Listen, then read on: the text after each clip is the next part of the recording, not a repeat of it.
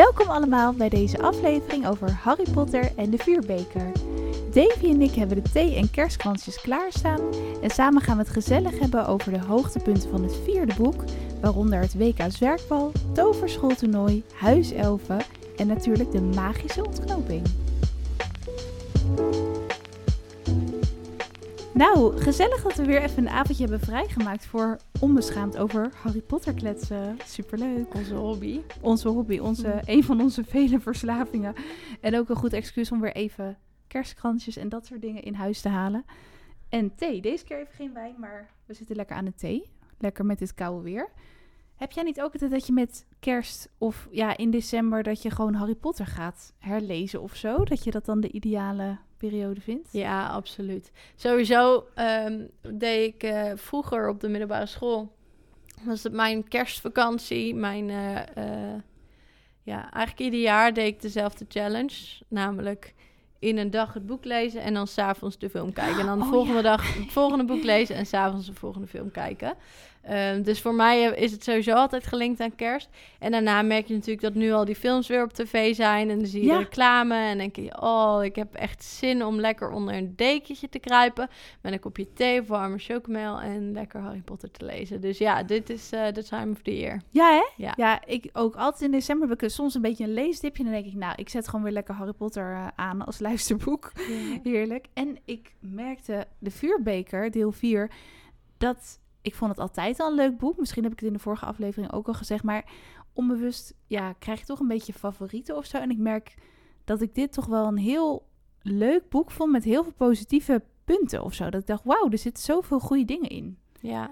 ja, ik moet eerlijk zeggen, ik heb eigenlijk deel 4 nooit als een heel bijzonder boek ervaren. Ik denk eh, helemaal aan het begin van eh, de lockdown ehm, ben ik ze toen allemaal opnieuw gaan lezen uit, eh, uit ontzettende verveling. Ehm, en toen realiseerde ik me eigenlijk hoe, hoe leuk dit boek eigenlijk is. En ik denk dat het altijd was dat het soort van niet gekoppeld was, omdat het natuurlijk een enorm groot stuk gaat over dat toverschooltoernooi en, en dat het wel in het verhaal past, maar ook wel weer los staat van, het, van de rest van het verhaal in de andere zeven of andere zes boeken. Ja. Ehm, dus ik heb er eigenlijk, ja, ik, ik weet niet, het zat ook nooit zo goed in mijn hoofd en het was nooit echt een van mijn favorieten. Maar eh, nu ik het eh, ja, van, van nou ja, begin van het jaar of zo weer gelezen heb, Ja. dat ik dacht, oh, ja, eigenlijk is het toch eigenlijk toch wel een heel goed boek. Ik weet niet waarom ik het nooit eerder had, maar eh, dit keer wel, ja. Leuk is dat, dat je dan ook, omdat jij en ik het dus vaak herlezen, dat je dan toch ook weer anders naar een boek gaat kijken of zo. Dat het niet verveelt, maar dat je toch ineens weer een andere feeling krijgt als je het leest of zo. Ja, Want wat ik ook had, ik vind, ja, daar komen we de volgende keer wel een beetje op, maar deel 5, die vind ik zelf altijd een beetje duister. En ja, deel 1, deel 2, deel 3, het wordt natuurlijk steeds een beetje duisterder. is ook logisch, hè? de hoofdpersonen worden natuurlijk ook wat ouder. Maar ik vond deel 4, vond ik best wel nog dat ik dacht, ja, het, het einde is wel redelijk duister. Maar de rest is wel gewoon nog, ja, vrolijk. En het gaat echt om het leven op Zwijnstein, zeg maar. En alles eromheen. En iedereen wordt een beetje verliefd en dat soort dingen. Dus Ja. ja. Ja, en er zit natuurlijk ook heel veel soort van. ehm, ja, ik weet niet of je het kinderlijke magische momenten moet noemen. Maar eh, weet je, het vechten tegen een draak. Ja. En, eh, en die swings. En die schroeistaardige kre- skreeften die toch ook gewoon geinig zijn, weet je wel. Dus, dus het heeft nog wel wat van die wat kinderlijke elementen. Ehm, en het feit dat ze allemaal zitten te giechelen als ze dansles krijgen. En dat ze het allemaal stiekem maar moeilijk vinden om die dames mee uit te vragen en zo. Dus het heeft wat kinderlijke, kinderlijke Ja. dingen. Maar, maar het, ja, vooral het einde is inderdaad... Dan maakt het echt die shift. En ik denk... Nou ja, dat is omdat Harry ouder wordt. Maar het is natuurlijk ook... Dit is, dat is het moment dat Voldemort echt weer heftig of gevaarlijk wordt of zo. Daarvoor was hij natuurlijk eigenlijk niet zoveel waard.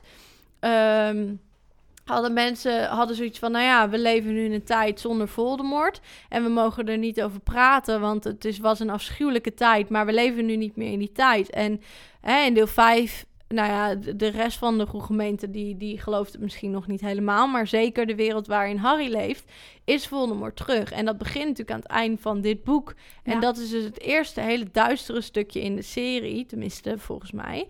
Ehm, en vanaf daar gaat het gewoon, wordt het alleen maar duisterder naarmate Voldemort natuurlijk ook meer kracht krijgt. Klopt. Ja, ik zat dat einde vandaag weer te lezen. Echt die scène op dat kerkhof. Ik moet zeggen dat ik dat vaak even oversla, omdat ik dat gewoon zo heftig vind. Ehm, maar toen viel het me op dat ik dacht, wow, dit is echt best zo heftig. En ik kan me nog herinneren dat toen de film uitkwam, volgens mij was dat iets van 2005 of zo. Toen was ik denk ik 11 of 12, dat ik toen ging ik met vriendinnetje en mijn moeder of zo gingen we naar de bioscoop. En volgens mij was die film al 12 plus, ik weet niet zeker meer. Maar dat we toen ook zoiets hadden, die scène op dat kerkhof, dat we toen echt dachten, wat is Ja. dit, weet je wel? Ja. En dat is ook inderdaad echt die omslag in dat boek. Want het begint ook een beetje die, ja, in deel 5 is het nog heftiger. Maar dan begint al een beetje die tovenaarsoorlog. En al een beetje die tweestrijd van wie gelooft Harry en wie niet. Ja. Ehm, maar dat, terwijl het inderdaad het eerste deel van het boek, of het, het grootste deel, gaat inderdaad van, oh, hoe ga ik die opdrachten, hoe ga ik die voltooien? En ehm, ja, iemand heeft natuurlijk wel die naam in die vuurbeker gedaan, dus dat is natuurlijk wel duister. En je komt erachter wat dooddoeners zijn. Voor me ook voor het eerst, of niet? ja. Ja, dat is nieuw in het boek, ja. Best wel veel Ja. dingen zijn nieuw in het Ja. boek, hè? Nou, wat dat betreft vind ik het sowieso... ehm, als ik dan nu weer het begin even opnieuw lees... dat ik denk, eh, en dat zie je vaker in boeken... maar met deze had ik het heel erg... dat je gewoon ziet hoeveel kleine dingetjes er aan het begin zijn... die opbouwen naar het einde van het boek. Zeg maar dingen zoals via via's en inderdaad Ja. die dooddoeners... en ehm, eh, nou ja, allemaal kleine dingetjes die, die eigenlijk tussen neus en lippen door worden gezegd, maar die dan wel weer zo belangrijk zijn. Ook Akio is volgens mij de eerste keer dat ze gebruikt worden in dit boek, helemaal aan het begin, door eh, Molly Weasley. Ja. En eh dan gaat hij natuurlijk dan uiteindelijk leren en gebruiken. En ja, ik weet niet. Met dit die boek tongtong toffees, dat ze al Ja. die toffees... Ja, Ja, nu je het ja, zegt. ja. Ja, dus, dus ehm, dat vind ik, nou ja, daardoor denk ik dat ik heel erg enthousiast weer was toen ik dit boek gelezen had. Dat ik dacht, wauw, het zit zo goed in elkaar. En het begin is echt een opbouw naar het einde zonder dat je dat door hebt. Ja. Eh, en dat, eh, ja, dat vond ik eigenlijk wel heel, eh, heel tof. Nou, nu je dat zegt, die, die plot van dit verhaal blijf ik ook gewoon geweldig vinden. Ook al, ja, misschien vinden sommige mensen dat raar, maar ook al weet ik de, zeg maar hoe het afloopt.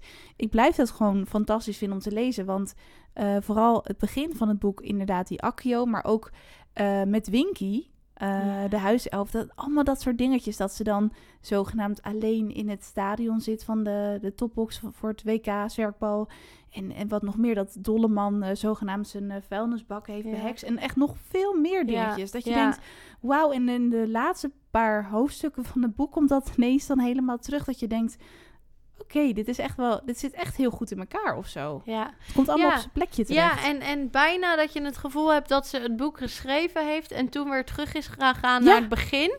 En daar allerlei kleine dingetjes heeft inge, eh, ingestopt. Ja, zo van dan verwijs je alvast stiekem naar iets wat er later gaat gebeuren. Maar op dit moment heeft de lezer nog geen idee dat hij iets cruciaals aan het leren is. Nee, nee, dat, dat, nee, inderdaad. Dat moet bijna wel. Ja. En het is ook wel gelijk een lekker dik boek. Eh, Want ik, eh, ik luister ze dan op Storytel. Jij leest ze gewoon in boekvorm. Maar deze is 20 uur of zo. En dat is wel gelijk... Voor mij is hij bijna twee keer zo lang als de eerste delen. Ja. Maar ja, er gebeurt ook gewoon echt ontzettend veel verschillende dingen. Ik weet niet of jou dat ook weer opviel, maar... Fred en George hebben natuurlijk een soort geheimpje met bazuin. En daarnaast heb je weer Hagrid, die heeft een veten. En, en dan weer ja, de toverschooltoernooi. En Hermelien met haar huiselfen. En Ja. nou, voor mij vergeet ik nog heel veel. Ja, ja. Ja, en natuurlijk ook Ron en Harry die boos zijn op Ja. elkaar. Wat ook echt een groot gedeelte is van het boek. En eh, Rita Skeeter. Ja, geweldig eh, personage tenminste. Rita Pulvers. Ja, ja, klopt. oh, heerlijk. Maar dat is echt zo'n personage die zo goed geschreven is. Omdat iedere keer als je haar naam in het boek ziet staan... dan voel je gewoon een bloed onder je nagels vandaan Ja. worden gehaald. Met zijn krokodillentas en een Oh, fantasieteerveer. Ja, oh, Ja. oh, oh. En dat is al van, gewoon vanaf inderdaad stukje 1. Dat realiseerde ik me ook pas later. Dat zij dan inderdaad al over Arthur ging schrijven en zo. En ehm, dat ze later dan natuurlijk eh, Hermelien ehm, helemaal de grond in boort. Ja. En eh, En ze heeft ook dat geheimtje wat Hermelien weer weet te ontrafelen. Met de Ja. eh, toren. Dat, dat, Ja. nou, dat zat er ook weer in. Dat je denkt, hé, hey, ja, ja. Ja, dus er zit- lopen heel veel verhaallijnen door elkaar. Ja, en, en Sirius, die natuurlijk een soort van relatie of een band met Harry aan het opbouwen is. Ook dat. Eh, dat ja. is natuurlijk ook. En, en dat Harry natuurlijk ook wel constant bang is voor Sirius. Want die komt dan ineens weer terug naar. eh, naar Engeland. eh, Ja, ehm, vanwege zijn litteken toch? Of zo, ja. dat hij heeft geschreven. Ja, en op een gegeven moment natuurlijk zeker ook als blijkt dat Harry's naam in die vuurbeker is gegooid, dan wordt Sirius natuurlijk ook wel een beetje achterdochtig. ja. Dus ja, dus wat dat betreft, Harry heeft natuurlijk zijn eigen leven om te vrezen. Ehm, maar daarnaast ook is hij zeker natuurlijk steeds bang dat Sirius iets gebeurt. En dat Ja. hij het enige familielid waar hij soort van een goede band mee heeft, ehm, weg is. Oh, hier hoorde ik trouwens echt laatst zo'n briljante theorie over. Oh ja. Eh, ja, we skippen even een aantal boeken hoor, want dit heeft te maken met eh eh gruzelementen. Mhm. Maar ik, ik kom er nu ineens op, dus ik denk ik gooi hem Gooi er toch erin. even in. Ja. Precies.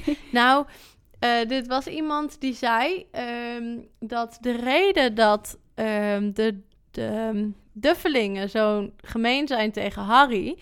is omdat Harry een gruzelement is. En, en de, de eigenaar van een gruzelement... die wordt daar altijd heel erg door beïnvloed... op een negatieve manier. ja. Oh, En, ja. en eh, ja, zij zijn sinds zijn geboorte soort van de eigenaren van Harry Potter. Het gruzelement. Eh dus, eh, dus... Net met het medaillon. Ja, precies. had en ja, zo. ja. Ja. en het, het boek wat Ginny natuurlijk had. En ja, dus... ehm, nou ja, Oh, ik wauw, die een ik nog niet. geinige theorie. Nee. ik ook niet. Maar als je er heel goed over nadenkt, denk je ook, ja, eh, makes sense. Want Ja?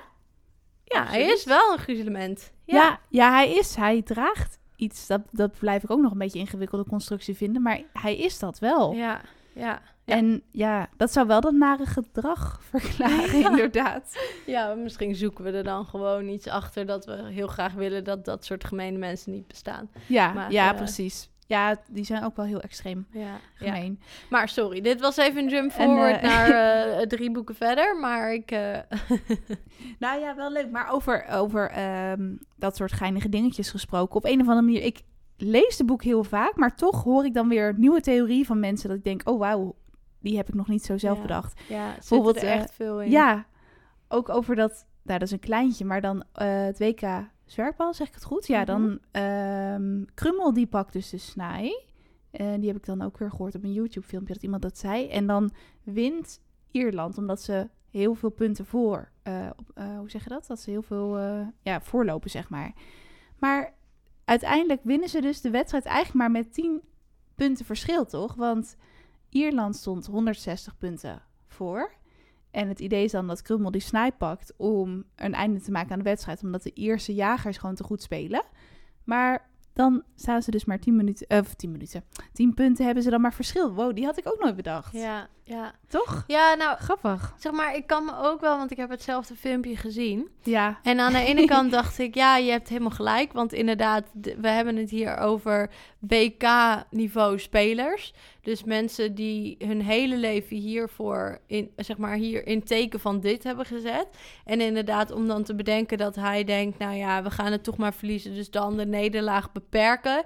Terwijl je eigenlijk inderdaad maar twee keer hoeft te scoren en dan kom je voor te staan. Maar aan de andere kant dacht ik ook, het moment dat hij die snaai pakt, eh, is die eh Aiden Lynch, die, eh, van de, de zoeker Ja. van de Ierse partij, die gaat als een idioot naar beneden. En Krummel is net in zijn gezicht geraakt door een beuker. En die spiet daar achteraan. En Lynch die, die vliegt in de grond. Ja. Ehm, en, en Krummel die heeft, nou ja, in diezelfde paar seconden, zeg maar, grijpt hij de snaai.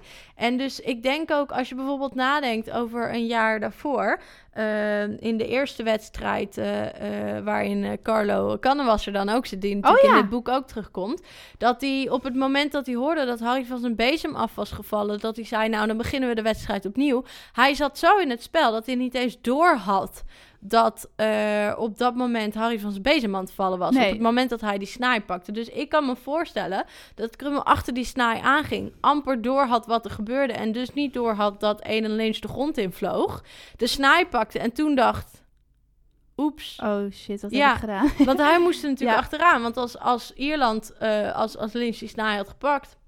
was het sowieso over geweest. Ja, Dus misschien... Ja, hier op de moment of zo. Precies, Ja. dat hij dat eigenlijk niet eens door heeft gehad of zo. Maar goed, hè, want Ha- Harry zegt zelf, eh, eh, hij, hij wist dat ze al niet meer konden winnen. En dat is Ja. natuurlijk onzin. Ik bedoel, dat zou, dat zou voor een sporter op dat niveau nooit een reden mogen zijn om te zeggen, nou weet je wat, ik eh, blaas op het fluitje en het is klaar en we geven het op. Dat is, Nee, nee. nee, precies. Maar Gein, ik had daar dus nooit, misschien omdat ik te weinig af weet van sport, ik heb daar nooit me aan gestoord, zeg maar. Maar Nee. toen zag ik die review van iemand, toen dacht ik, hé, oh ja, inderdaad. Ja. En net zoals dat meneer Wemel dus, ehm, wat was het nou ook alweer? Oh ja, want er breekt natuurlijk allemaal tumult uit hè, op dat WK, Ja. met dooddoeners. En dat is allemaal heel erg onveilig. Er zitten ook natuurlijk weer allemaal leuke aanwijzingen in voor hoe het plot eindigt uiteindelijk. ja. Maar dat ze dan dus heel snel naar huis moeten om Molly eh, op de hoogte te stellen van dat alles goed met ze is. Maar inderdaad, waarom stuurt hij geen patronen? Dat Ja. dacht ik ook al van, Ja. oh ja. Ja, ja Maar ook daar. Heb jij nog een andere? nou ja, eh, zij, eh, dit gebeurde allemaal midden in de nacht. Ja, En zij waren natuurlijk om half vier s'nachts of zo terug in die tent. Met het idee, we gaan nog even snel een paar uurtjes slapen. En dan gaan we met de allereerste via via terug. En dat was echt vroeg. Want, tenminste neem ik aan, want de, de, heenweg moesten ze ook echt voor dag en dauw op. Ehm, dus ik kan me voorstellen dat Arthur dacht, ja, ik ga haar niet om half vier s'nachts een patronen sturen met... eh, er zijn hier dooddoeners, maar iedereen is oké. Want dan maak je er alleen maar erger van, Ja, van streek. Ik denk dat hij een beetje hoopte dat hij, dat hij eh, op tijd zou zijn. Eh, dat ze er nog niet vanaf zou weten. En zij heeft het natuurlijk gelezen in de ochtendkrant. Want die heeft ze vast op het moment dat ze terugkomen. En daardoor is ze, is ze geschrokken. Maar waarschijnlijk die eerste paar uur dat het net allemaal gebeurd is. En dat zij eventjes zijn gaan slapen en zo. Denk ik dat hij dacht, ja, ik ga er niet van streek maken door nu een berichtje te sturen. Ik kan me wel voorstellen dat op het moment dat ze aan het wachten waren op een via-via... dat hij toen dacht, goh, misschien is ze al wakker. Heeft ze de krant gelezen en denkt ze nou, oh nee. Aan Ja. de andere kant, toen stond de klok al lang niet meer op levensgevaar. Nee. Ehm, dus, dus had ze ook kunnen weten dat ze natuurlijk veilig waren. ja, ze hebben die klok natuurlijk, ja. Ja, ja, dus, dus ik denk aan de ene kant denk ik inderdaad dat hij dacht: oh jee, als zij dit leest, dan is ze natuurlijk helemaal van slag. Aan de andere kant denk ik, hij dacht waarschijnlijk: ja, het is midden in de nacht. Als ik er nu iets stuur, dan, dan kan het alleen maar zijn dat we er misschien van streek maken terwijl ze dat niet was. Precies, ja, precies. Precies, ja, inderdaad. En ik moet ook zeggen, dat soort dingetjes zijn ook... Dat stoort me totaal niet tijdens het Nee. lezen. Het is meer gewoon grappig om over na te Ja. denken van... hé, hey, je kan toveren, dus Ja, waarom doe je het niet op die ja. manier? Maar dat vergeten ze soms wel vaker in de boeken. ja, klopt. En het is ook wel grappig dat je steeds meer een beetje van die buitenwereld leert kennen van de tovenaarswereld. ook ja. nu Bobatol en Klamvels Ja. en ook meer het eh, ministerie van. Toverkunst, volgens mij ook wel. Nou ja, überhaupt is dit dan, en, en dat heb ik gewoon iedere keer aan het begin van het boek, is het zo leuk dat ze weer een nieuw stukje openmaakt van de tovenaarswereld. Want in deel 1 heb je natuurlijk, eh, nou ja, dan, dan ontmoet hij de hele tovenaarswereld. In deel 2 is het het Huis van de Wemels, dus een tovenaarshuis. In deel 3 leert hij natuurlijk meer over de wereld nog weer daarbuiten, met die collectebus en Zwijnsveld. eh, Zwijnsveld en, eh ehm, en Azkaban en zo. En nu gaan ze nog verder, want nu is het niet alleen de, de Engelse wereld, maar de hele tovenaarswereld die hij dan leert kennen. En, en weer nieuwe dingen. Die via via zijn natuurlijk ook nieuw. Ja. En wat ik geweldig vind, is die tenten. Dat, daar krijg je gelijk zin van om op vakantie te Ja. gaan en, en te gaan kamperen. Ehm, dat, dat je zo'n tentje opzet en dat er gewoon zo'n drie kamers appartement in zit met een bad en een keuken. En, eh, dat je denkt, had ik dat ook maar op ja, vakantie. nou, ik denk wel, wij, wij, wij waren vroeger altijd kampeerders en we hadden een gigantische tent. eh, van eh eh, 5 bij 8 volgens mij. En het was ooit een vouwwagen. En de tent van de vouwwagen hebben we eruit gesloopt. Hebben een nieuwe tent gekocht. Maar we hadden nog wel de keuken van de vouwwagen. Dus, ehm, en dan drie slaapcompartimenten, Oh, ja. zeg maar. Dus, ehm, dus we hadden, zeg maar, ik kan me wel wat voorstellen bij hoe dat gevoeld Ja. moet hebben. Behalve dan dat die van ons natuurlijk ook gewoon van buiten gewoon massive was. Ja, Eh, daar waar die van hun natuurlijk maar hele kleine tentjes zijn. En later komen de tentjes natuurlijk ook weer terug als Ja, eh, in deel 7. zeven. Ja. Ja. Als ze op de vlucht zijn. Ja. klopt. Oh ja, dat is waar. En ook dat je al die tovenaarskindjes en zo, dat je denkt, oh, Ja. wat, het lijkt me ook zo heerlijk om dat Ja. allemaal uit te denken. Oh, geweldig. Dat, nou ja, die wel natuurlijk opgroeien in een wereld waarin Harry nooit heeft opgegroeid.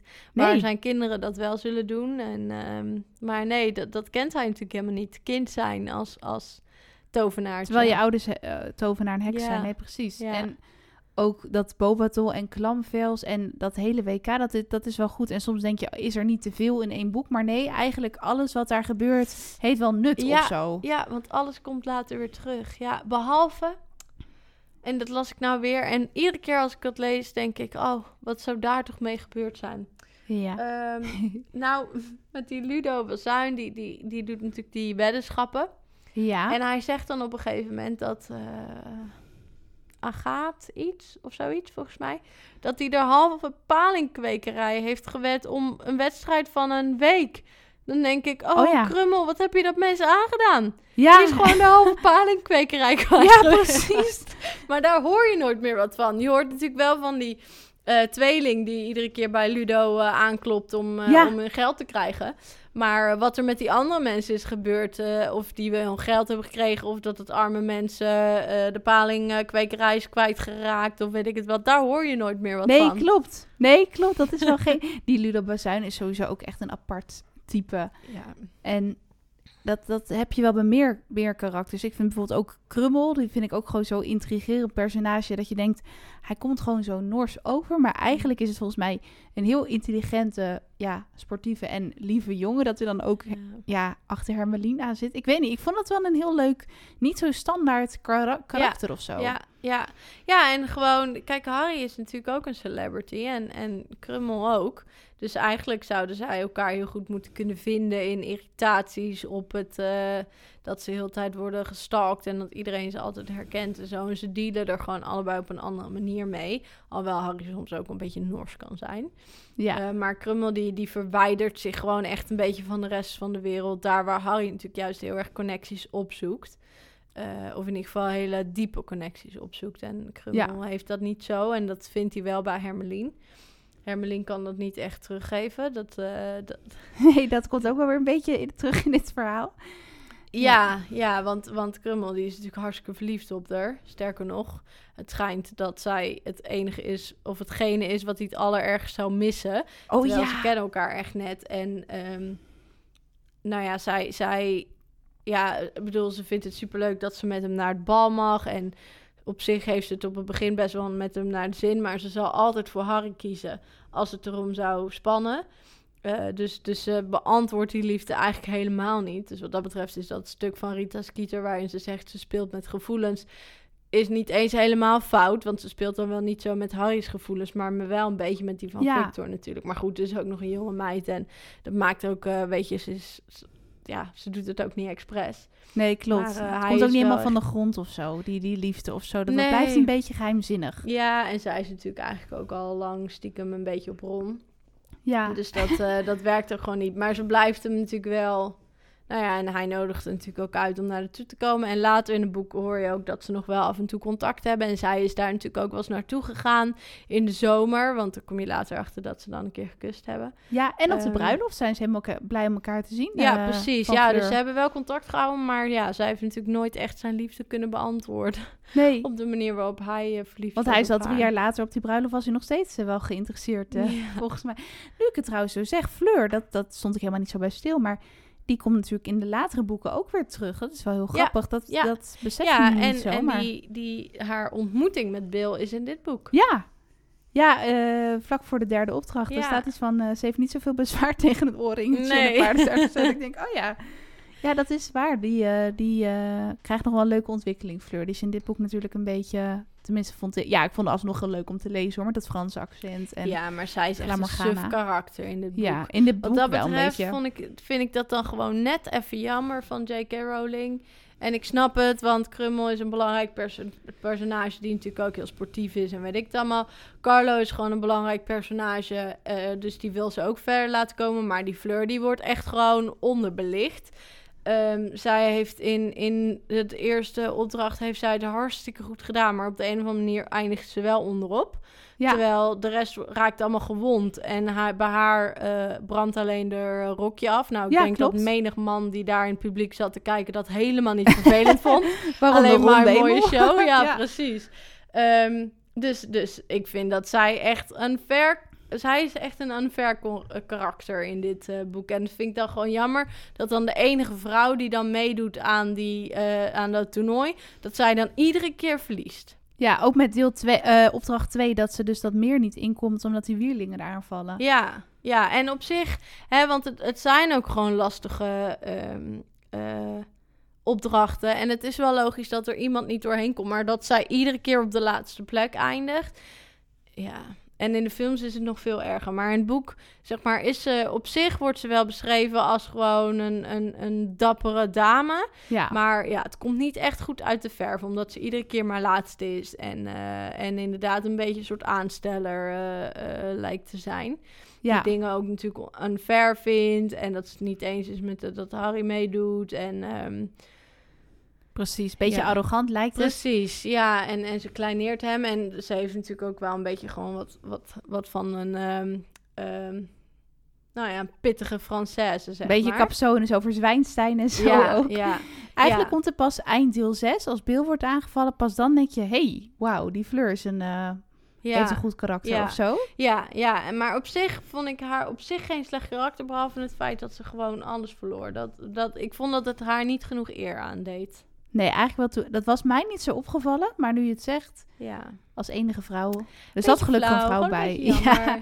Ja. ja, precies. Ja. En ja, Carlo vond ik wel, die was natuurlijk knap, maar die, ik weet niet, op een of andere manier vind ik hem gewoon heel sympathiek of zo. Ja, dat is hij natuurlijk ook. Toch? Ja. Dat is hij natuurlijk ook. En dat is natuurlijk ook wel Een beetje te perfect misschien. Daarom is hij zo irritant voor Harry, hè? Want die pakt Joe in natuurlijk. En Ja, nou, ik had het ook wel geweten als ik Joe was. Ja, dat, ja. Hmm. En dan toch twijfelde ze nog, maar ging ze toch maar voor Carlo. Ja, dat, ja, eh, ja, maar ja, uiteindelijk heeft ze Harry ook nog gekregen. Dus Ja. ze mag ze allebei van de bucketlist afspreken. ja, precies. Dat is ook wel geinig dat dat nu een beetje in deel 4 over kerst gesproken. Gewoon dat hele kerstbal en die sfeer en dan dit, dat gala gewaad van Ron ook geweldig. Ah, En dat ze dan inderdaad zo'n meisje like moeten vragen. Ja, precies. ja.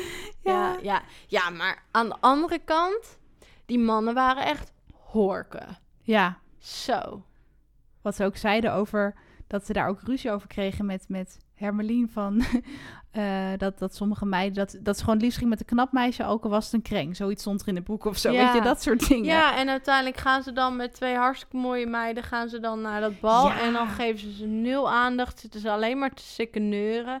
En Ja. dan denk ik, iedereen heeft daar gewoon lol. Waarom kunnen jullie nou niet gewoon je gêne opzij zetten? Ja. Waarom zijn jullie de enige twee die een beetje zitten sikken neuren aan de zijkant? ja. En ze hebben de Zo twee flauw. knapste meiden van het jaar, wordt ook nog gezegd. of ja, zo, toch? precies. Ja. Dus dat is nou echt... eh, en die dames die zaten natuurlijk al de hele tijd te hinten. En eh, Ja. ja, nee, dat is, eh, vind ik een beetje, dat vind ik een beetje flauw. Dus wat dat betreft, aan de ene kant vind ik het een heel leuk boek. Aan de andere kant vind ik dat een heleboel van de karaktereigenschappen die naar voren komen niet per se heel leuk zijn. Ron die is natuurlijk ook op een gegeven moment super jaloers. En op het moment dat zijn beste vriend hem harder nodig heeft dan ooit, ehm, ja, Ja. is hij boos. Om geen enkele goede reden. Nee. En weet je, ik snap het. Hij is altijd degene die overschaduwd is door zijn broers en nu weer door zijn beste vriend. Aan de andere kant denk ik, ja, maar jij hebt wel gekozen om de beste vriend te worden van Harry Potter. ja. Als, je, als je had gewild dat jij altijd zou stralen, dan had je eh, Marcel moeten kiezen of zo. Precies, precies. Ja, inderdaad. En ik vind dat wel een heel leuk of mooi stukje dan na die drakenopdracht. Dat ze het dan weer goed maken. Dat blijft een mooi stukje.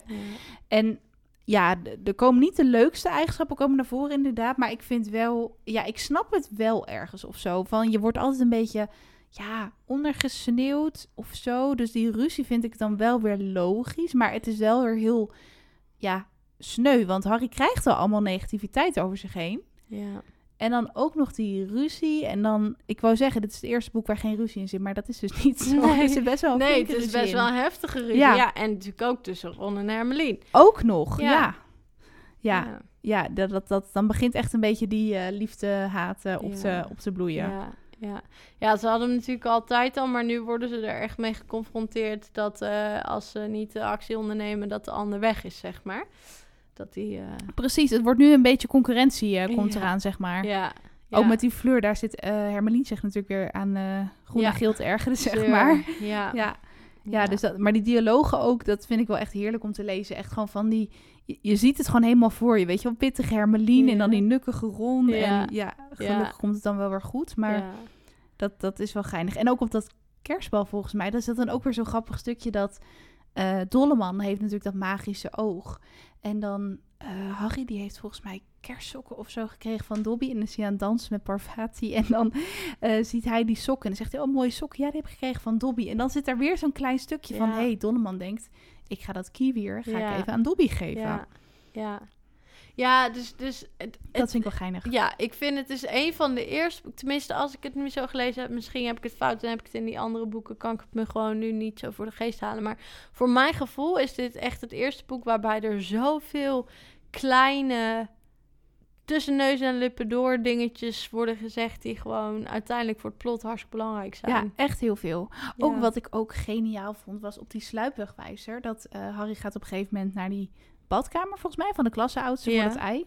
Trouwens, hoe cool die badkamer, dat leek me altijd Oh. geniaal. Dat je gewoon allemaal van die kranen hebt met Ja. regenboogwater. Ja. En, eh, ja, oh, dat is nog eens een spa die ze zouden moeten gaan maken. gewoon de Harry Potter Ja. eh, spa. Maar dat hij dan dus, ik weet even niet meer hoe hij er nou achter komt, maar dan komt hij vast te zitten ergens of zo en heeft hij die kaart en dan ziet hij ineens Krenk in het kantoortje van Snape. Nou, eerst. Want hij ziet volgens mij eerst Krenk in het kantoortje van Snape. En dan wil hij daar naartoe om, het, eh, om te zien wat er aan de hand oh is. ja. En dan ja. gaat hij zo'n sluipgangetje door. En dan vergeet hij dat hij over zo'n trap heen moet springen. En dan valt hij dus in die traptreden. En dan, ehm, en dan valt die sluipwegwijs natuurlijk uit zijn handen. Ja. Ah, en dan kan hij niet meer kijken ook. Ja. Maar dat vond ik wel zo geniaal dat je denkt, oh ja, dat is natuurlijk Bartholomeus Krenk. Maar Ja. ja, gelukkig heeft hij dat nooit eerder, of ja, helaas heeft hij dat nooit eerder gezien. Maar goed, er zijn natuurlijk duizenden figuurtjes op die kaart. Ja, en, en zelfs al zou hij dat... wel- Want hij hoort natuurlijk op een gegeven moment ook over, ehm, over eh, Barto eh, Krenk junior. Maar hij legt zelf natuurlijk nooit die link. Omdat hij denkt dat hij dood is. Ja, ja, hij denkt nooit aan junior sowieso. Nee. Hij denkt echt aan senior, zeg Ja. maar. Ja, Ja, dus klopt. eigenlijk pas op het moment dat eh Barto Krenk senior dood is... dat als hij toen had gezien dat er eh Barto Krenk stond... dan had hij misschien 1 is 1. 1 plus 1 is 2 gedaan. Maar eh, dat is op dat moment nog niet. Ja, hij is natuurlijk ook jurylid bij het toverschooltoernooi. Dus als hij ergens Ja. krenk zou zien, zou het niet eens heel gek zijn. Maar ja, nee, dat vond ik wel goed bedacht. Dat ik denk, hey, die, ja, gewoon die hele Dolleman krenkplot vind ik Ja. gewoon geniaal. Ja. ja, en hier zie je dan ook weer hoe, hoe irritant het eigenlijk is dat Harry en Snape elkaar niet mogen. Want op het moment, zeg maar, Snape die, die beschuldigt hem op een gegeven moment van het feit dat hij heeft ingebroken in zijn kantoortje en dingen heeft gestolen. Dat heeft Harry natuurlijk niet gedaan. Maar als zij een betere band hadden gehad en Harry had kunnen zeggen dat was Barto Krenk, dan waren er natuurlijk wel radartjes gaan draaien bij eh, Snape en wellicht ook bij ehm Perkamentus. Ja, zeker. Maar dat, omdat zij die band niet hebben, heeft hij dat niet gezegd. En dat had uiteindelijk, zeg maar, kunnen zorgen dat, eh, dat hij niet naar het kerkhof was gegaan. Nou ja, en ook die scène bij dat eh, kantoortje van Perkamentus. Als Harry met Krummel buiten is, dan wil hij Perkamentus gaan halen omdat ze krenk hebben gezien. Ja, En dan gaat Snape hem ook zo tegenwerken. Ja. En dat je denkt, oh, maar Ja. inderdaad, als ze daar hadden samengewerkt, dan eh, ja. had het heel anders gelopen. Ja. Ja. zeker. Zeker. Volgens mij zit trouwens die hele huiselfen zitten niet in de film, bedenk ik me nu, hè? Nee, maar ze hebben in de film sowieso heel veel mensen eruit geknipt. Want Heel veel, hè? Zit er ook niet bij. Nou, Winky komt er inderdaad niet in voor. Hele Eh, SHIT zit er niet in, Nee, volgens mij. Nee. Nee. Bertha Kriel ook, Ook niet. niet? Nee. Nee. Het is natuurlijk ook een heel dik boek, maar ik weet wel dat... eh, ik heb de films niet zo vaak gekeken als dat ik de boeken gelezen heb, maar dat ik wel bij deel 4 zoiets heb van... Wow, er is hier wel heel veel uit weggehaald, maar er gebeurt ook gewoon heel veel. Dat is ook wel logisch, Ja. maar Ja. om er even lekker over te klagen. Het, Ja. het is wel lekker eh, veel eruit gehaald. Ja. Ja, en vooral, ik, ik ben sowieso dol op die huishelfen. En ik vind het weer echt een goede... ehm, ehm, nou ja, een goede karaktereigenschap van Hermelien. Absoluut. Ja. Zeg maar, want hierin zie je gewoon nu al waarom zij een goede latere ehm, minister van eh, toverkunst is. Omdat zij echt heel erg begaan is met andere wezens. En, en nooit zich te goed voelt voor andere wezens. En natuurlijk is ze gewoon een beetje suf dat ze maar niet wil begrijpen dat er sommige huiselfen zijn die wel gewoon willen werken. Zonder ervoor betaald te krijgen. En dat ze soms een beetje te ver gaat. En dat ze gewoon die huiselfen allemaal vrij wil maken. Dus, dus op dat moment zie je natuurlijk wel dat ze nog te jong is om echt diplomatie te, te beheersen. Ehm, en dat ze misschien daarin de foute keuze maakt. Maar het feit dat ze gewoon met die huiselfen daarover wil spreken. En ze wil vertellen hoe het ook anders kan zijn. En zich dus nooit te goed voelt om op hetzelfde niveau te zijn als een huiself. Precies. Dat zegt wel, dat, ja, dat vind ik echt een mooie karaktereigenschap. Ja, ook heel Ehm, belangrijk onderdeel in het boek. Eh, Gewoon heel waardevol voor haar ontwikkeling ook. En ja. ook het stukje natuurlijk over Hagrid en Madame Malamour, en dat reuzen. En Ja. vorige boek had je al Weerwolven, dat kwam iets minder uit de, te ver, vond ik. Maar hier ook, het gaat gewoon, denk ik, heb ik het idee een beetje over, ja, vooroordelen en hoe dan een groot deel van de samenleving daar tegenaan kijkt. En dat zij dan gewoon Mhm. zoiets heeft van, hé, hey, dit klopt gewoon Ja. niet. ja, zij kijkt natuurlijk met een nieuw perspectief. Ja, en dan denk je van, nou, die huisel, het zijn ook gewoon geweldige wezentjes. Waarom moet dat nou uit de film? Maar ja, het is, nou ja, Winky vind ik nog wel best wel essentieel op zich voor het verhaal. Ja. Eh, en Dobby, nou ja, in de film krijgt Harry het kiwier van Marcel, Marcel. ook niet van Dobby. Nee, Dobby zit er ook helemaal niet in, hè? Nee, Nee, nee. echt jammer, want, want daardoor snap je natuurlijk ook niet dat zij zo'n waanzinnige band hebben, helemaal aan het einde. Nee, Ehm, want het lijkt in de films alsof ze elkaar eigenlijk alleen in dat tweede jaar hebben leren kennen. en in deel 4 worden ze echt een beetje vrienden, lijkt ja, het. ja, en inderdaad met die sokken die ze elkaar geven. En ja, Klopt. dat hij, dat hij dan met Ron naar Zwijnsveld gaat om alle lelijkste sokken uit te Ja. zoeken voor Dobby. En dat hij dan zo blij is en ook met die kersttrui van Ron en zo. Ja, dat is gewoon Ja, superleuk. ja. En dat las ik laatst, maar ik kan me dat dus even niet meer herinneren. In de film, in die eerste scène, want in het boek begint het daar ook mee over de droom van Harry in het plaatsje Havermout Mhm. in Villa Vilijn. In het boek zijn dat volgens mij Voldemort en eh Wormstaart en dan Frank Braam die afluistert. Ja. Maar het schijnt in de film zo te zijn dat Krenk daar ook te zien is, toch? In dat huis, Barto Krenk Ja. junior. Ja, ja, maar dat is niet zo. Want in het boek is hij op dat moment natuurlijk nog niet... Daar, toch? Nee. Maar in, in de film komt het gewoon niet zo uit de verf... dat hij al die tijd onder Imperio heeft geleefd, zeg maar. Want inderdaad, het lijkt nu alsof hij... Uit het niets een soort van Ja, nou krankzinnige... ja, dat is... Nou, en, en, nou en, en dat hij al inderdaad gewoon naar Voldemort kan wanneer hij wil. Want inderdaad, hij is in die droom te zien. En ook dat, nou ja, dat Bertha Kriel is natuurlijk diegene die de herinnering bij zich draagt dat Ja. Barto Krenk nog leeft, junior. En dat hij bij zijn vader onder Imperio zit. Klopt. En dat is natuurlijk hoe Voldemort erachter komt dat hij überhaupt nog leeft. Want nu is het soort van raar van... Oké, maar hij is... Hij mag niet weg van zijn vader, maar hij kan wel al makkelijk weg. En ja, dat... terwijl het eigenlijk in het boek natuurlijk pas is dat op het moment dat Winky echt is ontslagen. Ja, pas dan... Even denken hoor, zit of het is het, alweer? nou ja, of is het al vanaf zwerkbal?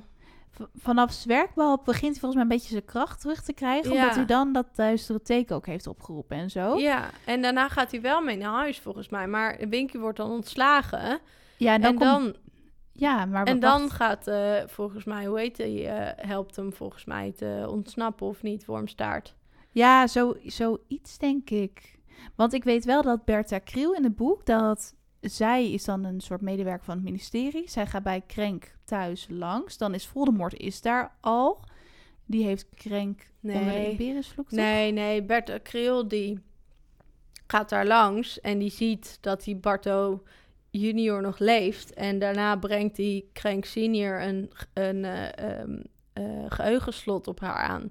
En dan gaat zij reizen naar Albanië en op het moment... Oh, daar komt ze dat, dat tegen. blijkt Ja, dat, zij ver, het. verdwijnt is in, of verdwenen is in Albanië. Dat zouden mensen toch echt wel iets moeten vertellen. Want iedereen heeft gehoord dat er geruchten zijn dat hij in Albanië zat, denk Ja, ik. Maar niemand Maar- wil geloven dat hij terug is. Dus Nee, dat is een beetje ja. denk ik. Ja. Ja, ja en, en dan komt ze eh Wormstaart tegen. En die overmeestert haar en die neemt haar mee naar Voldemort. En Voldemort breekt dat geheugenslot. En zo komt hij erachter dat Barto Crank junior nog leeft. En, en zij Ja, natuurlijk ook over dat uh, toverschooltoernooi. Ja, ja, dat is het inderdaad. Want zij, die Bertha, die hoort Winky tegen Barto praten en daardoor heeft ze door Hey, hij leeft. Ja, precies. Ik Ja. die dingen... Oké, ik hoop dat iedereen die dit luistert het heeft gelezen, Sorry. anders snap je hier echt geen barst van. Nee, maar dat denk ik wel. Ik denk niet dat er heel veel mensen zijn die dit nog niet hebben Nee. gelezen. Maar ehm, ja, nee, dus dat is dan die functie van Bertha. Want op een gegeven moment dacht ik, wat is nou eigenlijk die functie van Bertha? Maar die is dus nog best wel belangrijk. Ja. Ja, eigenlijk heel belangrijk. Alleen ook zij wordt natuurlijk weer tussen eh, neus en lippen door alleen maar, eh, alleen maar genoemd. Ja, en in de film zit ze dus niet, of wel? niet, Nee. nee. Nee, en ehm, hoe heet het? Dat vond ik ook wel heftig bedacht. Dat dus die zoon van Krenk... Ja, het wordt een beetje verwarrend met die twee Krenken. Maar goed, je hebt junior en senior. Ja. Die junior die komt dus in Azkaban te zitten. Daar kom je dus ook achter in dit boek... voor dat martelen van de ouders van Marcel. Maar dat hij dan dus... Hoe kom je daarop? Dus dat zijn moeder wisseldrank gaat innemen... want zij is al terminaal ziek of iets. En dan gaat ze dus in zijn cel... en dan gaat hij dus zo Azkaban uit in haar vermomming of zo, toch? Dan gaan ze toch wisselen van uiterlijk, zoiets? Ja. Ja. Ja, en zij sterft dan en hij leeft weer op, soort van. Echt heftig ook dat hij zijn eigen vader heeft vermoord. Maar ja, hij is natuurlijk helemaal... eh, Ja, en zijn eigen vader heeft hem naar Azkaban Ja, gestuurd. precies. Dus ik snap eigenlijk Die wel dat hij niet helemaal fan Ja. was van zijn vader. En überhaupt, weet je wel, aan de ene kant denk je, je snapt dat die Barto Krenk als, als laatste eh, bewijs dat hij van zijn vrouw hield, dan die zoon ehm, ja, vrijlaat. Maar vervolgens houdt hij hem nog steeds gevangen. precies. Hij kan niks, ja. Nee, dus ja, echt, ja. Achteraf gezien had hij dat gewoon nooit moeten doen. Ik zit ook, te, dat viel me op tijdens het lezen, maar misschien is er een hele logische verklaring voor. Op een gegeven moment krijgen ze dus Krenk onder de Imperiusvloek. En dan gaat, Barto gaat natuurlijk eh, Dolleman eventjes, eh, nou ja, vervloeken en zijn eh gedaante aannemen. En dan zit, Krenk zit dan met Voldemort en Wormstaart thuis, denk ik dan. Maar op een gegeven moment, dat is best wel ver in het boek al, dan ontsnapt hij dus en komt hij bij Zwijnstein. Mhm. Maar hoe komt hij daar, vraag ik me dan af. Maar goed, Nou, er zijn natuurlijk meerdere manieren. Want op een gegeven moment gaan eh, in deel 5, volgens mij, gaan ze toch ook met de collectebus naar Zwijnstein? eh, gaan ze met de collectebus? Zou heel goed kunnen. Ja. Volgens Deel mij wel met scherp die gaat dan mee. Oh ja, dat zou wel, dan gaan ze niet met de Zwijnstein Express. Nee, nee, maar tenminste wel op, eh, op- aan het begin van het jaar, maar niet naar de kerst. In de, nee, dat klopt. Na de kerst gaan ze met die bus. Ja, dus het zou zomaar kunnen. En, en Krenk kan in principe natuurlijk ook gewoon verdwijnselen. En dan loop je gewoon zo dat Zwijnstein. Want dat is natuurlijk de grap met Zwijnstein. Dat ze altijd zeggen, het is zo goed beschermd. Maar puntje bij paaltje valt het best wel mee. Ja, dat had ik ook nog opgeschreven. Ja, vertel. Want Sirius, die komt natuurlijk in dat vuur. Met zijn Ja. hoofd. Ja, En dan denk ik ook, hoe kan dat? Want Zwijnstein is zogenaamd supergoed beschermd. En je kan niet zomaar dat haardvuur ver, eh, eh, eh, reizen met brandstof. En je kan natuurlijk ook niet verdwijnselen en verschijnselen. Dus ik zat te denken, hoe kan Sirius in godsnaam in dat vuur komen daar in Zwijnstein? Ja, dat moet toch niet kunnen? nee. En toen zat ik te denken, misschien heeft hij het gevraagd aan Perkamentus. Maar als dat zo is, dan was het toch logischer geweest als ze het in het kantoor van Perkamentus hadden gedaan. Waar, het minder makkelijk, waar ze minder makkelijk betrapt worden. Aangezien het een eh, opgejaagde of een voortvluchtige crimineel is. Met wie die in het vuur aan het praten is. Dus als er iemand niet kan slapen en een eh slaaplekker theetje wil maken of zo voor zichzelf. En die komt in de, Ja.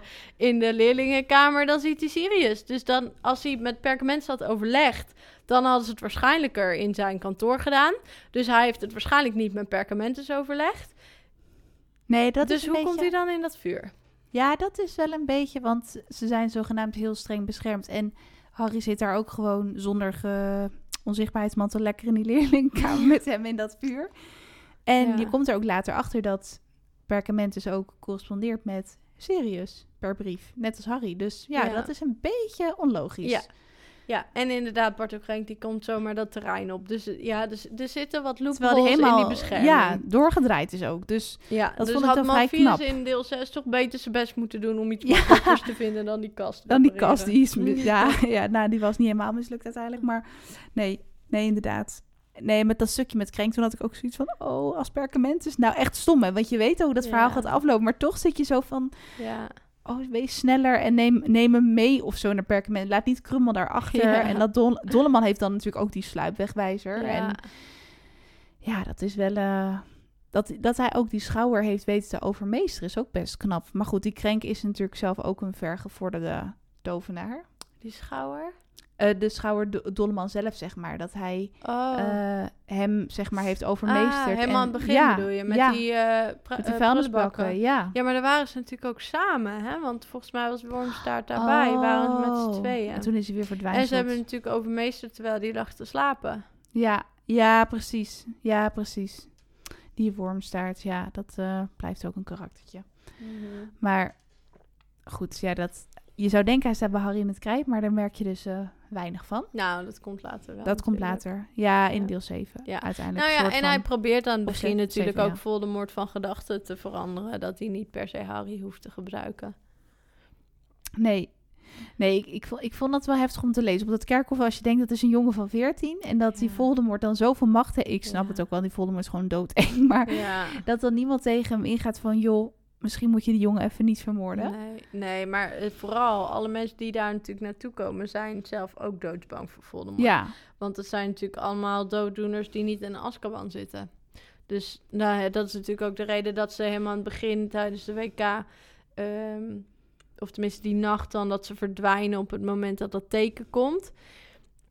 En op het Ja. moment dat Voldemort dan zijn macht terugkrijgt, denken ze... ja, shit, nou kan ik niet achterblijven, dus nou moet ik wel daarheen. Maar ze zijn natuurlijk allemaal doodsbang. doodsbang. En ja. vanaf dat moment is Lucius, die, die gaat natuurlijk ook steeds verder, zakt hij in. In deel 5 vindt hij zichzelf nog heel wat, maar eh, daarna gaat het natuurlijk steeds slechter met hem. Ja. Omdat Voldemort niet zo fan van hem is en hij is gewoon te bang om weg te lopen. Ehm, en, en zo zijn natuurlijk meer volgers. Dat ik denk vooral omdat, omdat Voldemort natuurlijk iedere keer kwaad wordt, omdat ze Harry laten lopen. Wat hij waarschijnlijk voordat het hele gebeuren met Harry was en, en hij daarvoor aan zijn macht was, zeg maar, zal dat minder zo geweest zijn. Omdat hij toen natuurlijk niet één iemand had die die per se, per se, per se dood wilde hebben. Ja. Anders dan misschien Perkamentus. Maar niet iemand waarmee hij zo'n vete had als met Harry. En nu eh, laten ze hem, of stellen ze hem iedere keer teleur. Is hij iedere keer boos. Dus, dus die dooddoeners, en dat komt natuurlijk later ook hoor. Maar, maar nu zie je het, eh, nou ja, het feit in ieder geval dat ze wel allemaal opkomen draven, maar niks durven zeggen. En eigenlijk allemaal een beetje bang voor hem zijn. Ja, en dat wordt alleen maar erger natuurlijk, naarmate ze hem iedere keer blijven teleurstellen. Met die Crucio en al die onvergeeflijke vloeken. Ja. Die komen natuurlijk ook nog in het verhaal. En Ja. inderdaad, hij had altijd al, als je dat komt een beetje in deel 6 volgens mij, want dan gaan we naar de geschiedenis ook van Voldemort. Maar daar zegt Perkament van me ook al iets van, ja, je hebt geen vrienden, maar je hebt volgelingen of dat soort dingen. Ja. Maar dan heeft hij nog niet zo'n eh, vijand, nee, als nu. Dus dat maakt hem natuurlijk helemaal eh, moordelustig. Ja. Ehm, maar ook die onvergeeflijke vloeken. En dat dus ook eh, Dolleman, aka Krenk junior, Hm. dat hij dus die, ehm, hoe zeg je dat? Dat hij die vloeken laat zien in de Mhm. klas. Terwijl hij dus ook nog eens, hij wat van was beschuldigd dat hij die ouders van Marcel heeft Ja. eh, gemarteld. Ja. Dus dat, als je dat Ja. allemaal zo even bij elkaar optelt, dat je denkt, oh wauw, ja. oké. Ik vind het ook zo lastig, want hij, hij ehm, is natuurlijk in, in die rechtszaak, zeg maar, die Harry in de hersenpan ziet, is die Barto Krenk junior is echt een bang jong jongetje. En die zegt, ik heb het niet gedaan en ik was het niet. En papa, luister nou. En ik, je hebt de verkeerde en zo. En nou ja, daar zou je bijna niet kunnen geloven dat hij het echt was. nee. En de nieuwe versie natuurlijk wel. Dat je denkt, ja, dat is een of andere idioot. Maar, maar eh, en, en, en Voldemort zegt ook, van, hij is altijd mijn trouwe volgeling gebleven en heeft me geprobeerd te zoeken. Ik vraag me dat nog wel eens af. Of die, of die krenk daar echt bij was, zeg maar. Of die echt heeft helpen zoeken. Of dat hij eigenlijk gewoon op het moment dat zijn vader hem naar Azkaban stuurde... en dat hij daar lag weg te rotten... en daarna jarenlang onder die vaders imperio eh, curse heeft geleefd... dat hij eigenlijk toen pas ehm, echt een volgeling geworden is van Voldemort... en niet dat hij eigenlijk misschien helemaal niet aanwezig was bij die... eh, mishandeling of, die- of die marteling Ja. van, van de Marcel, Marcels ouders.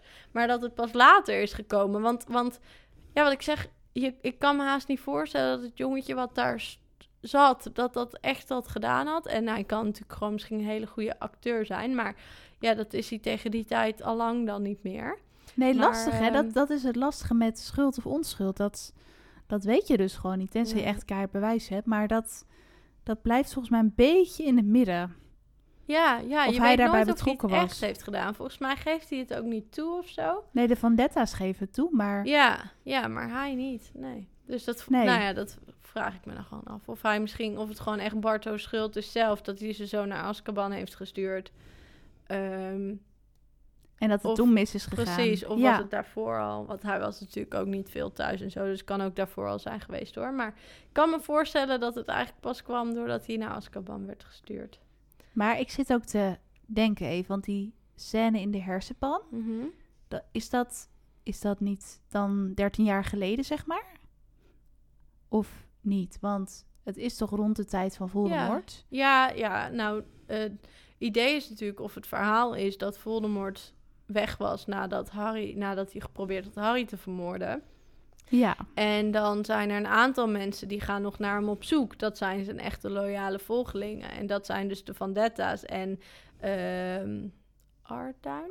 Is dat Arduin? Arduin zat Ja. er en Karkaroff zat ook in die zitting. Die werd ook van beschuldigd. Nee, maar dat, is een andere, dat was een andere zitting. Dat was niet tegelijk. Want Karkaroff werd niet van beschuldigd dat hij die eh eh ehm Lubbermans had Nee, dat eh, niet. Maar hij werd wel van beschuldigd dat hij een volgeling was van Ja, Voldemort, precies. Ja, precies. Maar niet een... Want het idee is dat de Vandetta's... En volgens mij was die Arduin bij hun... En dan dus toch? Krenk, junior... ja. Dat die zulke trouwe volgelingen waren... Dat op het moment dat Voldemort verdween... Dat ze hem probeerden te vinden.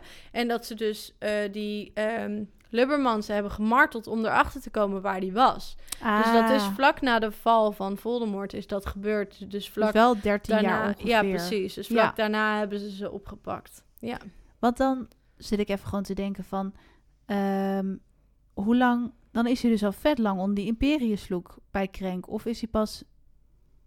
Toch? Want- Ja, hij heeft wel een tijdje in Azkaban gezeten. Ja, wel een ik weet niet meer precies hoe, laat, hoe lang hoor. Maar hij heeft er wel een paar jaar gezeten volgens mij. En dan wordt zijn moeder ziek en die, die laat ze dan omwisselen. En hij is dan nog heel jong inderdaad. 18 of zo wordt er gezegd volgens mij. Ja, hij is echt nog heel jong. Ja. Maar dat is wel bizar. Dat je dat dan ook... Ja, dat hij dan ook die wisseldrank heeft... en dat hij dat dan uit die heupflacon drinkt... wat dan juist weer heel goed gevonden is... omdat Dolleman Ja. dat ook altijd doet, weet je wel. ja, ja Dat zijn dingen. een hoop details die gewoon kloppen. Dat is wel geinig inderdaad. Ja. En Percy, wat vind je van Percy? In dit boek? Ja, nou inderdaad, die is wel. ehm, die begint een bepaalde rol aan te nemen. Hij begint een beetje, ja, volwassen te worden in negatieve zin, denk ik. Want Ja. eh, ze hebben er ook af en toe gesprekken over. Hè, van ja, Percy, hij is. ehm, ja, hij, hij, hij gaat heel ver voor regels. Hij is bijna net zoals Krenk. Want hij is een soort van idolaat van Krenk. Ja. En eh, dat was natuurlijk altijd al zo hè, op school. Dat hij eh, de klassauze was en hoofdmonitor. En dat hij dat allemaal heel belangrijk vond. Maar nu, ja, hij op een gegeven moment... Het wordt nu echt een beetje... Dat begint vooral volgens mij in de latere boeken. Want dan hè, gelooft hij Harry ook niet. Dan is Nee, hij ook... maar het begint eigenlijk al met dit boek natuurlijk. Ja, hier komt dat een beetje... Die Ja. opbouw begint inderdaad. Ja, en dan in het volgende boek wordt het nog erger. Dan breekt hij ook met zijn familie, Precies. toch? Ja, ja. ja, maar inderdaad, in dit boek is hij al eigenlijk een soort van eh, Barto's eh, very own dooddoener. Een Ja, soort van volgeling die eh, alleen maar ja knikt en die man zo wat op, op handen en voeten draagt. Of hoe zeg je dat? precies. Ja, En dat hij dan ook dat Krenk dus allemaal brieven stuurt vanuit huis onder Imperius Vloek. En dat hij dat dan ja, ook niet door heeft. Wat dan wel weer logisch is, denk ik. Maar ja, het is gewoon een beetje... Hier, hier komt een beetje naar voren dat hij dus echt gewoon heel erg... bijna te ambitieus is, Ja. zeg maar. Koste Ja. wat het kost, gewoon. Ja, ja dus er, er is ook wel een theorie dat hij eigenlijk bij Zwadderig had moeten zitten in plaats van bij Gryffindor. Want echt ehm, dapper is hij niet. Hij is gewoon ambitieus. Hij is een heel ander mens dan de rest van de Ja, Wemers. hij is zo verschillend. Ja, Want eigenlijk vind ik alle Wemels wel leuk en sympathiek. Maar hij Hij is eh, wel heel anders. Ja. En niet dat je niet anders mag zijn, absoluut Nee. niet. Maar nee. Nee, Zwadderig is natuurlijk ook niet per se slecht. Maar eh, dat zijn gewoon hele ambitieuze mensen die op zich nog wel een beetje kunnen ellebogen. En dat is Percy zeker. Ja, ja, en dat hij... Ja, deel 5 is dat denk ik, dat hij dan breekt met zijn familie. Want ik kan Ja. me dat niet meer zo heel goed herinneren. Ja, dat maar is deel 5. Op het moment dat niemand Harry nog gelooft. En dan stuurt hij ook Ron een brief. Dat hij zegt, je moet niet meer met Harry Potter omgaan. Oh ja, dat is dan. Ja, Ja. ja, precies. Nou ja, en in deel 4 lijkt het van... Oh, het is hartstikke verschrikkelijk wat er is gebeurd op het kerkhof. Hè? Maar perkamenten en iedereen gelooft het. Maar je krijgt dan ook dat hoofdstuk dat eh Troebel en Perkamentus... dat ze gewoon, nou ja, uit elkaar gaan. Dat, dat gaat gewoon niet meer. Dat, dan begint een beetje al die oorlog of zo, Ja. die strijd. Ja. ja, en dat die dementors natuurlijk die eh eh, Bart ook een kus Ja, geven, daar gaat oh. het natuurlijk mis. Ja, Dat je denkt, arme Sirius, nu is hij nog steeds niet, eh, ja nee, nee. niet eh, vrij. Over Sirius gesproken, daar zit ook nog wel, eh, want, want dat vind ik een beetje jammer van Perkamentus. Ehm, zeg maar, Harry die, die heeft natuurlijk aan het eind, of aan het einde van boek 3 zegt Sirius, nou kom je dan bij mij wonen? En dan baalt Harry natuurlijk uiteindelijk van dat dat helemaal niet kan. En ook nog in deel 5 en zo, dan zit Sirius natuurlijk alleen in dat Grimroudplein. Ja. En zegt hij, kan ik niet daar gaan wonen? En eh, zeg maar, vooral nu in deel 4, waarin Harry het al best wel moeilijk vindt met zijn peetvader, die is nog steeds op de vlucht. En hij dacht, nou, dat was mijn redding vanuit de Duffelingen. Dat perkament is het niet duidelijk aan hem maakt van, ja, dat was top geweest. Behalve het feit dat je niet bij de Duffelingen weg kan totdat je 18 wordt. Want eh, het feit dat je daar woont, dat beschermt jou tegen Voldemort. En als dat je... komt niet eens, inderdaad. Nee, want als je nu bij Sirius gaat intrekken, dan is die, die bloedband weg, zeg maar. En dan ben je dus niet meer beschermd. Nee, Dus dat vind ik jammer dat, dat Dumbledore... Weet je, al, al zeg je dat gewoon één keer tegen Harry... dan realiseert hij zich al gewoon van... oké, het had sowieso niet anders gekund. Maar goed, eh, dat later geeft Perkament natuurlijk ook wel toe... dat hij hem eerder in vertrouwen had moeten nemen. Dat hij hem altijd soort van dingen heeft achtergehouden... en dat hij daar achteraf ook wel spijt van Ja. heeft. Ehm, en ik denk, dit is een van die dingen dat ik denk... ja, dat was gewoon stom. Had hem dat gewoon verteld. En dat had hem zoveel rust in zijn hoofd gegeven. Ja, want hij heeft al genoeg nadigheid. Mhm. Zeker na deel 4. Dan begint het echt het nadige Ja, gebeuren. ja. Ehm, en over perkamentes trouwens ook. Want, nou ja, we zijn af en toe hebben het al over. Ik vind, ik vind hem ook in dit boek weer geweldig. Maar eh, dat die krenk slash dolleman hem gewoon om de tuin heeft weten te leiden. Ja. Maar hij is ook wel heel ingenieus heeft hij dat gedaan. Maar Ja. dat, dat, ja, je weet dat natuurlijk nooit, maar dat daar nooit iets van argwaan, want dat had je in de eerdere delen namelijk wel, hè, met eh, krinkel, Krinkel. en dat soort dingen. Ja, En dat is hier, heb je dat gewoon niet door. Alleen dus dat iemand de naam in de vuurbeker doet, dan gaat er Ja. hoogstwaarschijnlijk wel een bel rinkelen, maar ja. ja, maar hij zegt dan natuurlijk juist tegen Dolleman van hou een oogje in het zeil. ja, hij heeft hem natuurlijk juist aangenomen, misschien ook omdat hij weet hier en dat is een oude dooddoener. Ja, Dat is wel weer een leuk dwaalspoor. ja, Dwaalspoor. ja, ja. ja, dus ja, dat er zijn eh, natuurlijk meer van. Want je hebt inderdaad Karkaroff, Snape, Ludo. Die natuurlijk ook een dooddoener blijkt te zijn. Of Ja. ongeluk. Of nou ja, het was niet helemaal duidelijk of die het nou echt expres had gedaan of niet. Maar die is ook een Ja. beetje mysterieus dat hij steeds Harry wil helpen en zo. Dat je denkt van, hé, heeft hij dan Ja, misschien de naam in die Ja, gedaan? Maar dat blijkt dan toch weer heel anders te zitten. Ja, Want hij wil, hij heeft geld op hem ingezet of Ja. zo, toch? Ja. ja. ja, en hij wil van de kobolden winnen. Omdat hij daar schulden heeft. Daarom betaalt hij natuurlijk die andere of die tweeling ook niet terug. En daarom dat hij hem ook gaat helpen met dat, met dat ei en zijn hulp steeds aanbiedt en zo. Ja, En over die opdracht trouwens, dat vond ik wel. Dat ik, ik vind het eh, heel leuk bedacht. En ook wat ik er heel leuk aan vind, is dat ze steeds meer gaan toveren. Dus Ja. dat je steeds meer spreuken hoort en Ja. bezweringen en wezens leert kennen. ja, ook Accio, nou echt ge- gewoon die sommeerspreuk dat je soms denkt, had ik dat maar? Want ik ben heel vaak dingen kwijt dat je denkt, Accio, telefoon, is Ja. mijn telefoon, weet je wel? Maar dat die opdrachten gewoon zo levensgevaarlijk zijn. Kijk, bij die draken kan ik me nog voorstellen dat er iemand kan ingrijpen. Maar in dat meer is dat Nou, toch lastiger, of niet? ja, aan de ene kant wel. Aan de andere kant eh, eh, had Perkament natuurlijk contact met die meer mensen. Ja, Ehm, hij kan meermans spreken. Ja, precies. dus ja. ik denk dat hij die waarschijnlijk wel heeft ingezet om een oogje in het zeil te houden. Aan de andere kant merk je inderdaad dat, dat ook Perkament een soort van nerveus is. Van, oh jee, komt hij nog wel boven? Is er niemand verdronken? Wat gebeurt daaronder allemaal? Dus dat is wel een beetje suf. Terwijl iemand als Perkamentus moet toch een of andere spreuk kennen... waardoor hij in het water kan kijken of zo. Weet je wel, Ja. dat hij de boel in de gaten kan houden. Ehm, net als inderdaad met dat dolf hadden ze er toch overheen kunnen vliegen of zo. In plaats van dat ze gewoon zeggen, nou, succes. En we zien jullie Ja. wel weer over een uur of iets in die geest. Eh, en tot die tijd weten we eigenlijk niet wat er met jullie gebeurt. Of je nog leeft of dat je ondertussen verdronken bent. Of dat een eh eh, wierling je heeft vermoord of zo. nou, dat- daar komen we achter als je na drie uur nog steeds niet boven bent. Ja, precies. Zo komt het een beetje over. Ja. Maar misschien is het idee daarachter dat ze heel veel magische snufjes hebben. En dat dat wel gewoon veilig is. Maar, Mm. en Harry is natuurlijk ook veel jonger nog dan de rest. Want je moet natuurlijk ook 17 zijn om je te mogen aanmelden. Maar dan nog, Ja. dat is jong. Ja. Ehm, en dat het dan ook zo... Ik vond het ook wel schrijnend om te lezen dat hij dan gewoon verplicht wordt om mee te doen. Terwijl hij het gewoon niet wil. En dan heb je die extra druk en die spanning om dat op te lossen. En dat je denkt, wow, zo bindend zijn dus blijkbaar die regels van dat toernooi. Daar heb ik me wel over verbaasd. Dat ik denk, wow, kan daar echt geen uitzondering voor worden gemaakt? Maar ja, dan valt het hele verhaal in elkaar. ja. dus dat is ook niet erg hoor. Maar Nee. je, je leeft dan wel met hem mee, zeg maar, Ja, het is- tijdens het lezen. Ja, is het ook. En al helemaal omdat Ron er natuurlijk ook nog boos over is, terwijl hij er niks aan kan doen. Nee, klopt.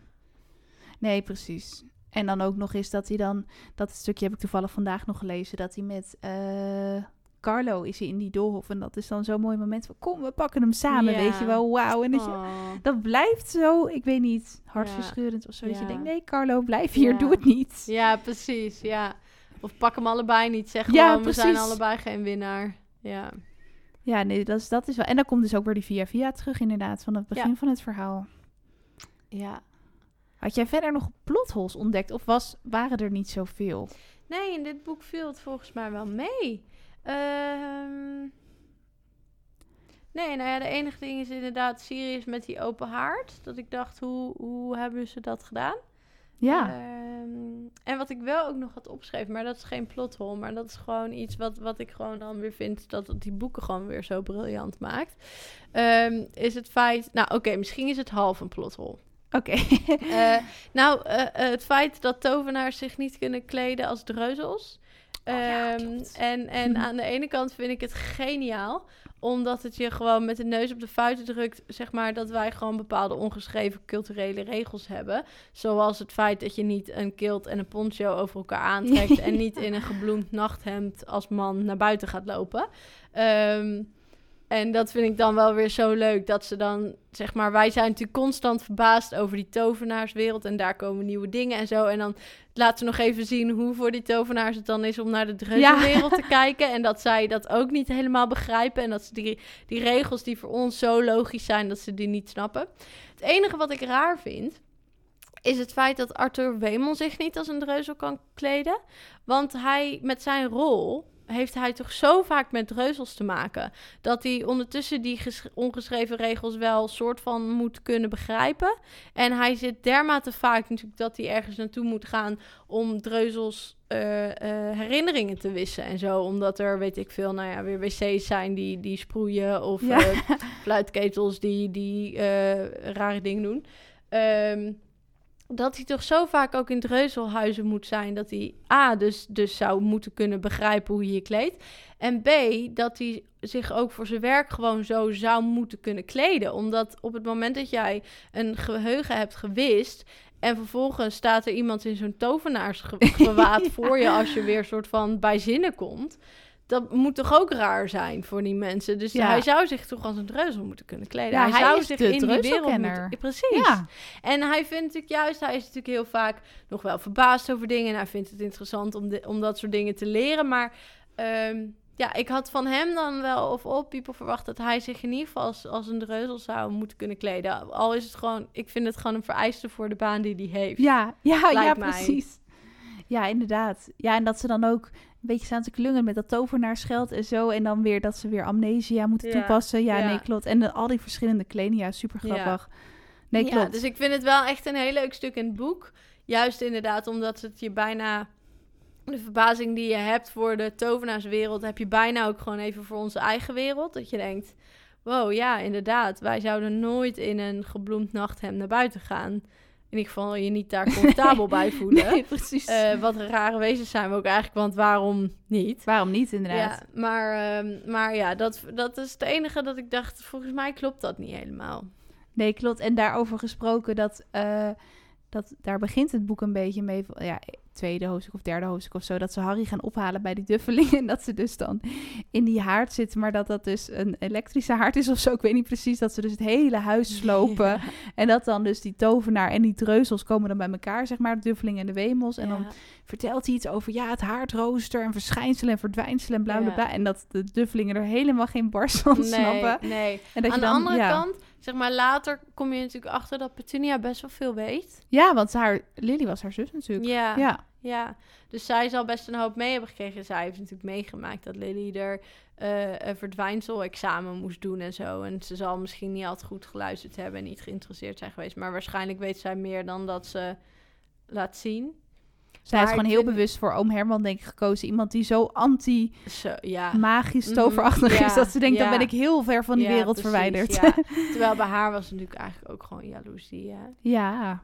Ja, dat niet zie je ook ze weer in deel echt, 6. eh, ja, Ja. precies. Of 7, wat, dat- ja, nou goed. Een van Heel die twee. zeven. Ja. Ja, ja.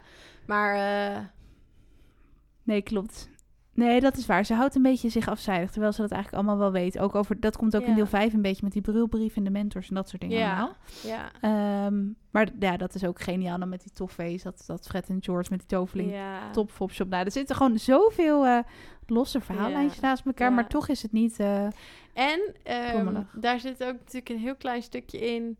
waarvan je dan gewoon eventjes ziet... waarom Molly en Arthur ook gewoon bij elkaar passen. Is zeg maar hun stijl van opvoeden. En dat op het moment dat Harry dus in die haard wil stappen... en dat Arthur dan zegt... eh, hallo, gaan jullie nog gedag zeggen? Of, eh?" en dat, die- Ja. dat vind ik echt zoiets wat Molly had gezegd. ja, ja, ja, klopt. Zo'n warm sociaal Ja, gezin. ja. Ja. Ja, dat hij zich gewoon niet kan voorstellen dat je geen afscheid neemt van iemand. En ja, dat, dat vind ik dan gewoon een leuk, eh ja. Leuk Je houdt gewoon van die familie. Ik hou ook van die sfeer in het nest en die gezelligheid. En dat hij daar echt een familie heeft, weet je Ja. wel.